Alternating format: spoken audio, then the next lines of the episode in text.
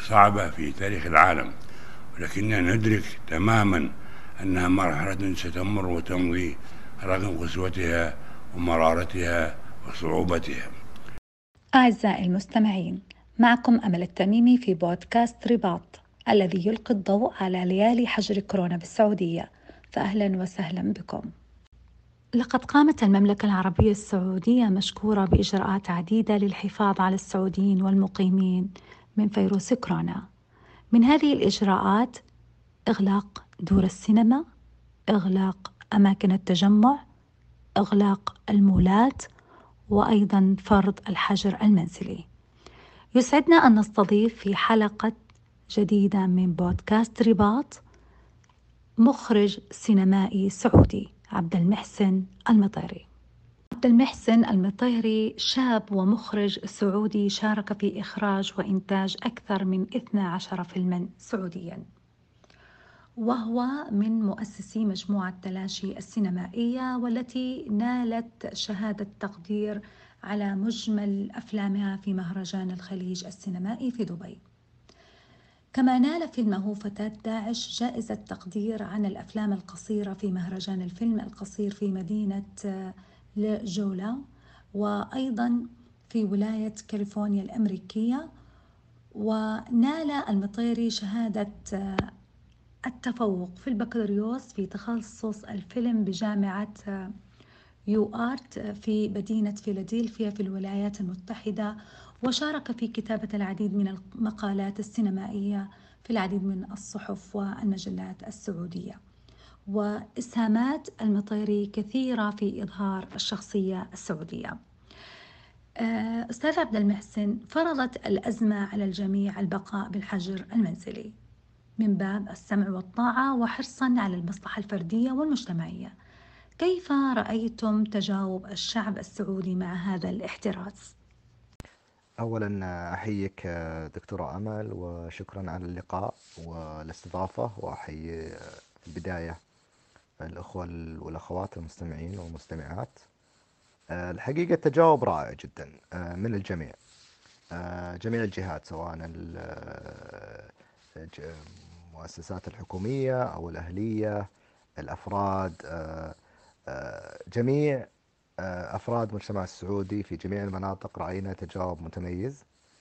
والحقيقة هذا يدل على حرص الشعب السعودي حقيقة والأخوة المقيمين على اتباع الأنظمة والتعليمات اللي بتكون الحقيقة ونتمنى بإذن الله تكون هي السبب بعد الله في تجاوز هذه الأزمة الطارئة. واللي إن شاء الله تكون لها أبعاد إيجابية في مرحلة ما تسمى مرحلة ما بعد الكورونا. إن شاء الله يزيد تزيد الروابط الاجتماعية تزيد الروابط الحقيقية للترابط الإنساني. ونبتعد عن التواصل الإلكتروني لأن يبدو الأزمة هذه كرهتنا في التواصل الإلكتروني لأنه صار إلزامي أنك تسوي عملك من خلال وسائل التواصل أو من خلال تطبيقات إلى آخره. فلذلك الآن حسينا بالتواصل الحسي الحقيقي الإنساني له قيمته اللي كانت غايبة عنا في السنوات الأخيرة. فنتمنى ذلك يعني. أستاذ عبد المحسن قامت الحكومة السعودية بإيقاف معظم الأعمال وأصبح العمل عن بعد. لأنه من وجهة نظر السعودية أن البقاء في المنزل من أقوى الأسلحة المضادة لفيروس كورونا. بوصفك مخرج كيف تؤدي عملك من البيت وما هي التحديات التي تواجهك؟ والله حقيقة أنا أعمل ما أعمل من البيت. أنا بحكم أني منتمي لشركة أرامكو السعودية في قسم الإنتاج الإعلامي. فلذلك عملي يتطلب مني ومن زملائي أن نذهب لنشر فيديوهات وصناعة فيديوهات متعلقة بالتوعية وصناعة فيديوهات أيضا متعلقة بسير العمل في شركة أرامكو السعودية. التي تعتبر مهمة على مستوى الاقتصاد السعودي والطاقة السعودية. أما بالنسبة كيف استثمرت عملي في أيام في في أو أوقات التزام التزامنا جميعا في العمل. أكيد الجلوس في العمل الجلوس في المنزل يخلق رغم الظروف ورغم التعب النفسي رغم لكن يخلق آه، إعادة آه، نظر في أشياء كثيرة كانت غايبة عنك كإنسان يعني. آه، أبرزها عامل اللي أعتبره مهم العامل الروحاني العامل الاقتراب من العائلة اقتراب من الله سبحانه وتعالى الاقتراب من أحبابك وأصدقائك وقراءة ما يفيد إلى آخره. فهذه أعتقد أنها مهمة جدا آه، كاستغلال في الوقت آه، آه، أثناء الالتزام بالجلوس في المنزل يعني.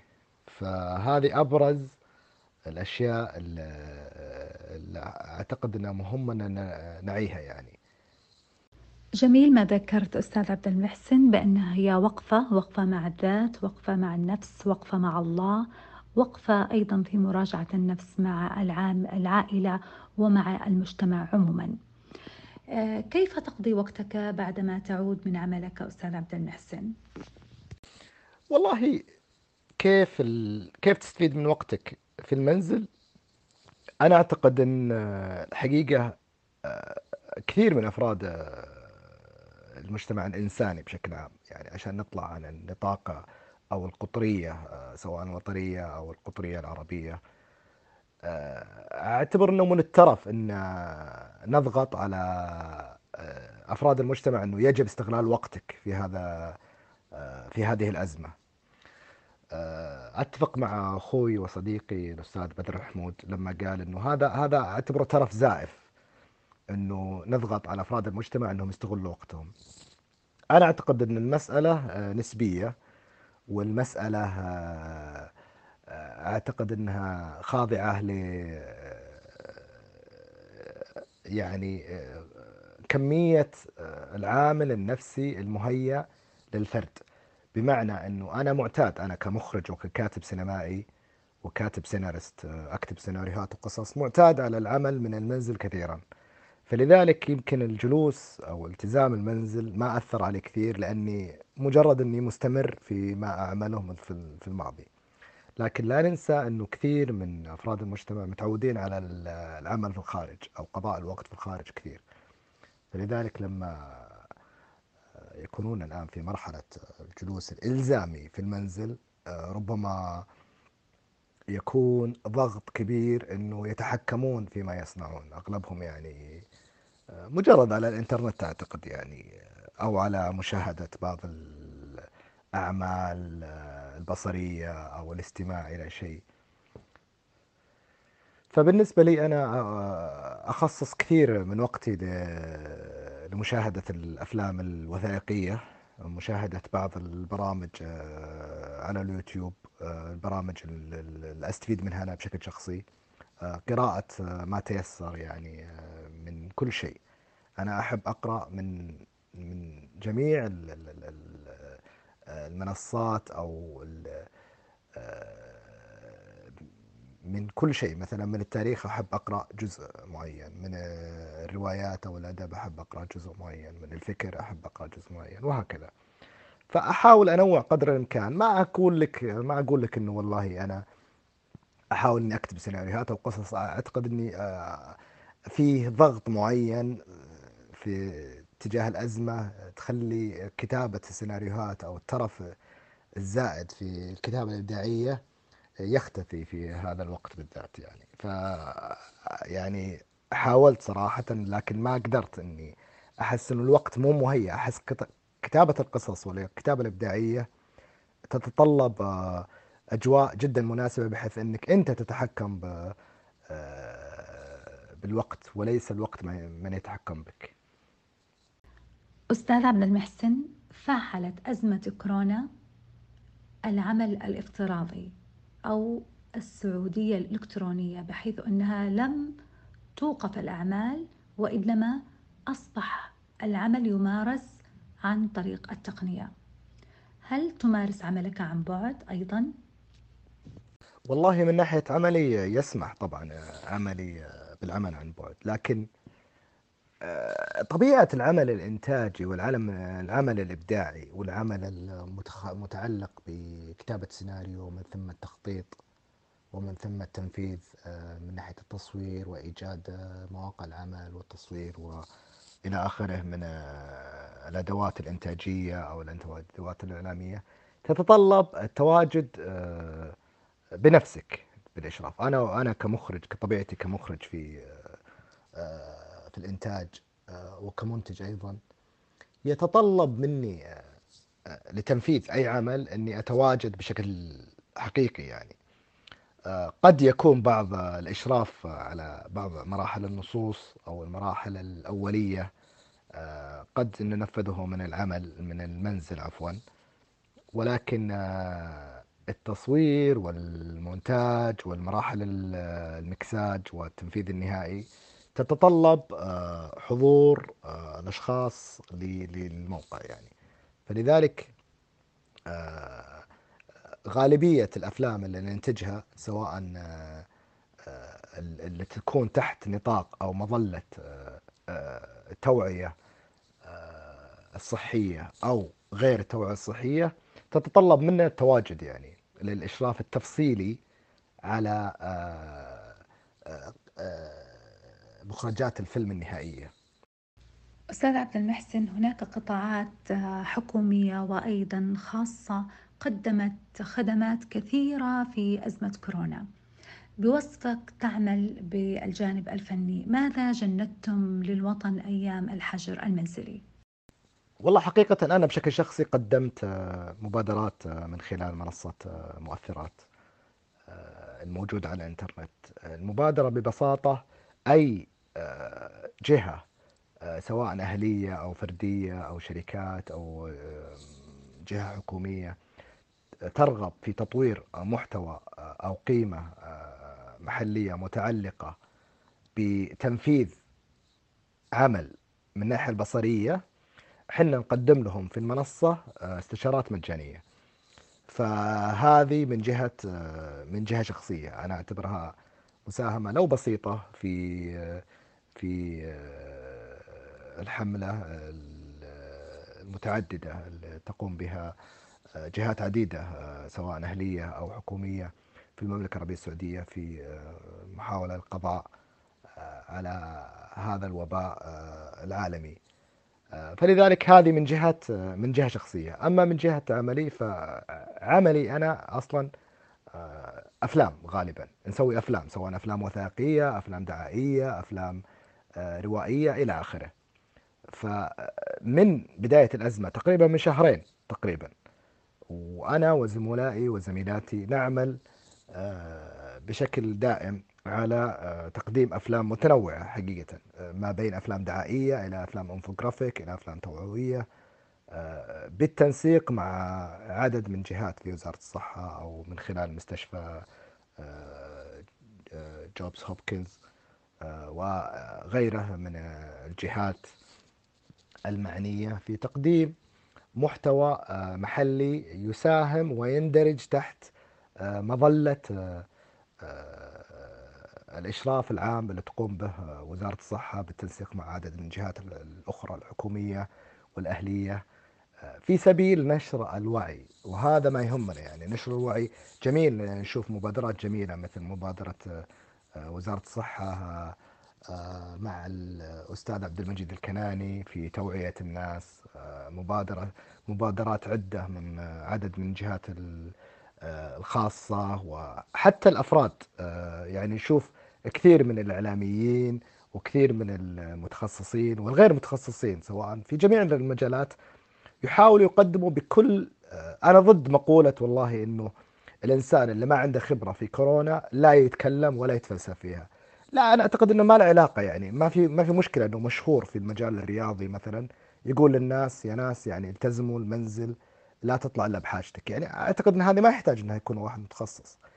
أه وقس على ذلك الكثير.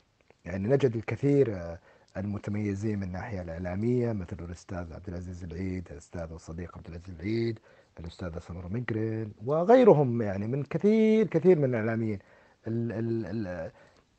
المجال الأكاديمي المجال مبادرات عديدة من جامعة السعودية جامعة الملك سعود جامعة الإمام محمد بن سعود إلى آخر إذا تكاتفنا سوا في توعية الناس أتوقع الرسالة راح توصل. فهذه اللي أعتقد أنها مهمة في هذا الجانب. جميل ما ذكرت أستاذ عبد المحسن بأننا نظهر هذا الترابط والتماسك والوحدة في هذه الأزمة. ترابط مجتمع وطني ترابط أمة ترابط إنسانية. آه، أستاذ عبد المحسن لأول مرة يعمل أهل السعودية شيء واحد في وقت واحد وهو الحجر المنزلي وحظر التجول. فهناك من ينظر إلى هذا الأمر أنه حبس وهناك من ينظر إلى أنها نعمة ومكتسبات من وجهة نظرك كفنان ما هي مكتسبات الحجر المنزلي وما هي مقترحاتك للشباب؟ والله أعتقد أن أهم عنصر حقيقة يعني اللي غير غير كثير من حتى نمط الحياة آه، في جلوس المنزل اللي هو التفاعل الإنساني التفاعل الإنساني آه، بين آه، أفراد المجتمع. التفاعل الإنساني آه، بينك وبين جارك. التفاعل الإنساني بينك وبين أحد أفراد العائلة. أصبح التفاعل بقيمة أكبر. ذا معنى أوسع وأعظم وأعمق. أصبحنا نشعر بقيمة اللحظات اللي كنا نقضيها مع بعض آه، في السابق خارج المنزل. مع سواء مع الأقارب أو مع الأصدقاء أو مع زملاء العمل إلى آخره. فأعتقد هذا المكتسب آه، أعتقد أنه شيء إيجابي. أن نشعر الآن بقيمة لحظات الماضي. فبالتالي أعتقد أننا راح نستثمرها بإذن الله في المستقبل آه، بشكل أفضل يعني. وأنا طبعا أقترح للشباب آه، أنهم آه، يعني يقضوا وقتهم قدر الإمكان مع العائلة. يعني آه، قضاء الوقت قدر الإمكان للشباب والشابات خصوصا المراهقين والمراهقات. مع العائلة صدقوني له قيمة عظيمة ما راح تعرفونها إلا بعد ما تتجاوزوا مرحلة الشباب. تصلون مرحلة متقدمة من العمر بتعرف كلامي هذا له قيمة آه، جلوسك آه، آه، مع العائلة جلوسك مع كبار السن الاستفادة منهم الاستفادة من كلامهم له قيمة بلاحظها مستقبلا إن شاء الله. أستاذ عبد المحسن انتشرت مقاطع كوميدية أو بالمعنى المعتاد طقطقة ونكت كثيرة على حبس الرجال بالبيوت وتحولهم إلى العمل المنزلي أو التدبير المنزلي من طبخ وإلى آخره.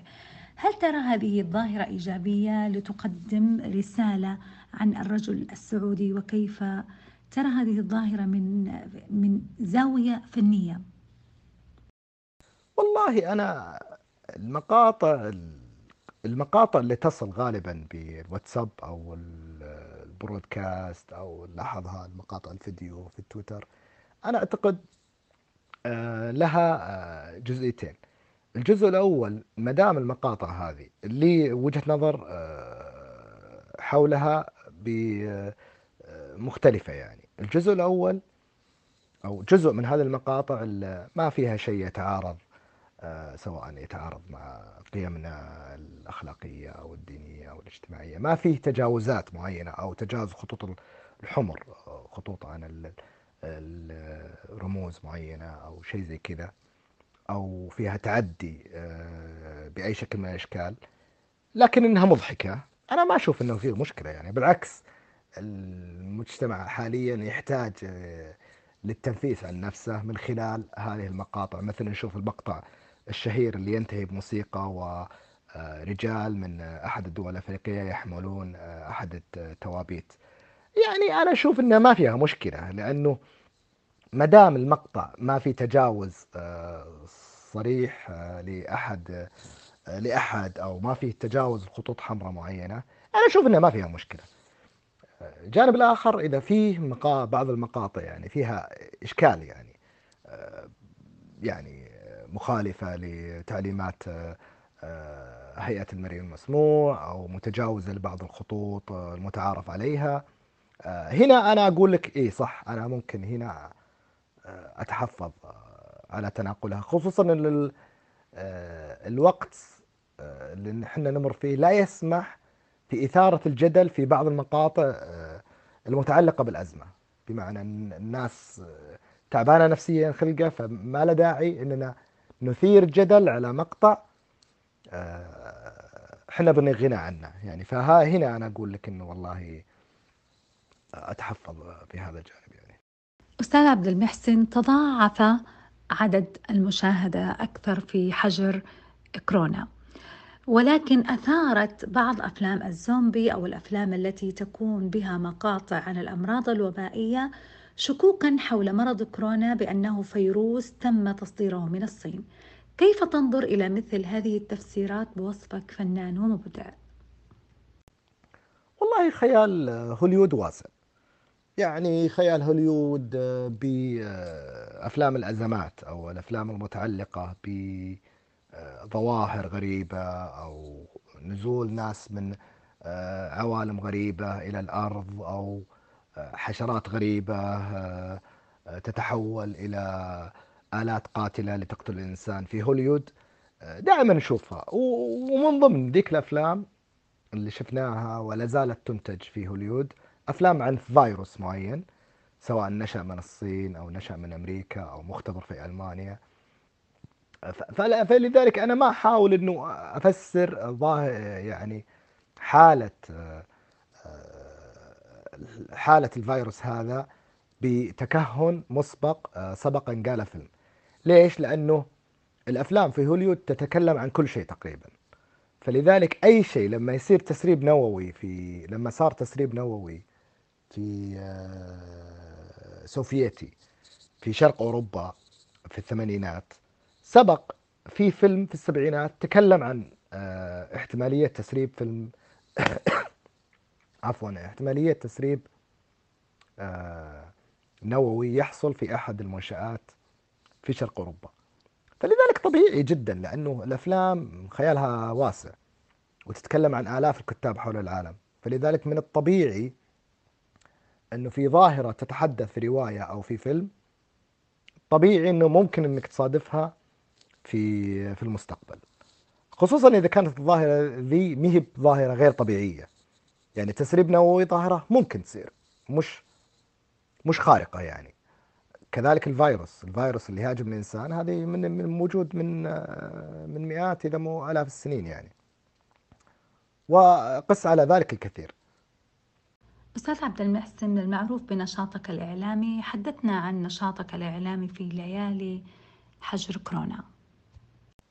والله أبرز أبرز ما أسويه أنا بحكم أني منتمي للمجال الإبداعي سواء المجال في مجال الإعلام أو في مجال الإنتاج اللي هو مشاهدة وقراءة والتفاعل مع زملائي وزميلاتي في المجال.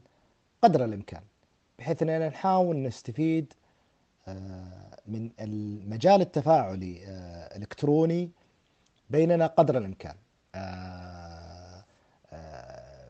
لنا قريبا إن شاء الله عدد من المبادرات مثل مبادرات تعليمية آه، لكثير من الشباب والشابات في مجال المونتاج في مجال آه، تطوير آه، صناعة الصناعه البصرية وصناعة الصورة والصناعه الفيلمية بإذن الله راح نعلن عنها في المنصة.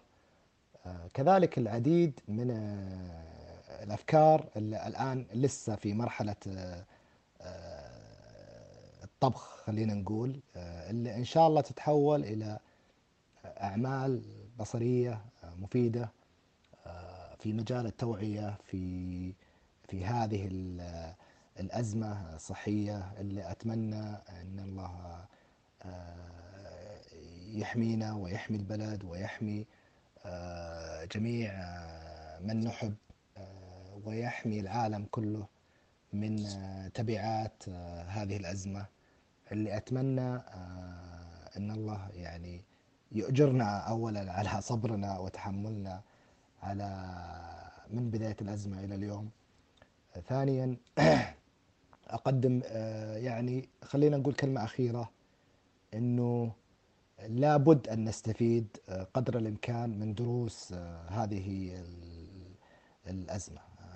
لابد أن نعيد علاقتنا أول شيء مع مع أنفسنا علاقتنا مع الآخرين علاقتنا مع علاقتنا الوجدانية مع المجتمع.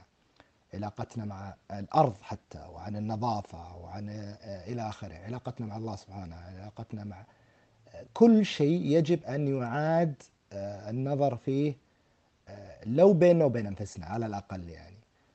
فلذلك هذه أهم نقطة ودي أتطرق إليها اللي هي إعادة النظر وإعادة التفكير بشكل إيجابي ولعل هذه الأزمة آه، تجعلنا ننظر للحياة بشكل آه، أكثر إيجابية بشكل ننظر لها أنها فعلا جميلة ولكن كنا شوي قبل الأزمة كنا شوي دلوعين يعني فجتها الأزمة وخلتنا نحس بمقدار أنك أنت طالع أنت تعيش لحظة جميلة أنت تتنفس هواء نقي أنت تعيش بأمن وأمان أنت تأكل تسلم تفرح مع أصدقائك. فلذلك آه، علمتنا الكثير وأتمنى أنه ما يكون الدرس قاسي علينا يعني بإذن الله.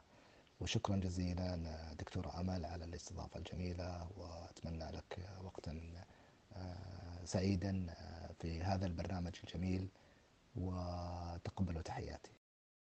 في الختام نشكر الأستاذ عبد المحسن المطيري ونقول كما قال لابد أن نعي دروس هذه الأزمة. ونعيد النظر في علاقاتنا مع من حولنا والنظر إلى الحياة بأكثر إيجابية. إذا بودكاست رباط ترابط وطني بين الشعب والقيادة في اتخاذ البيوت مكان للرباط. في هذا الالتزام ترابط مكاني وأسري ووطني ومجتمعي. على المحبة نلتقي محدثتكم أمل التميمي. مونتاج دين القرني. إلى اللقاء.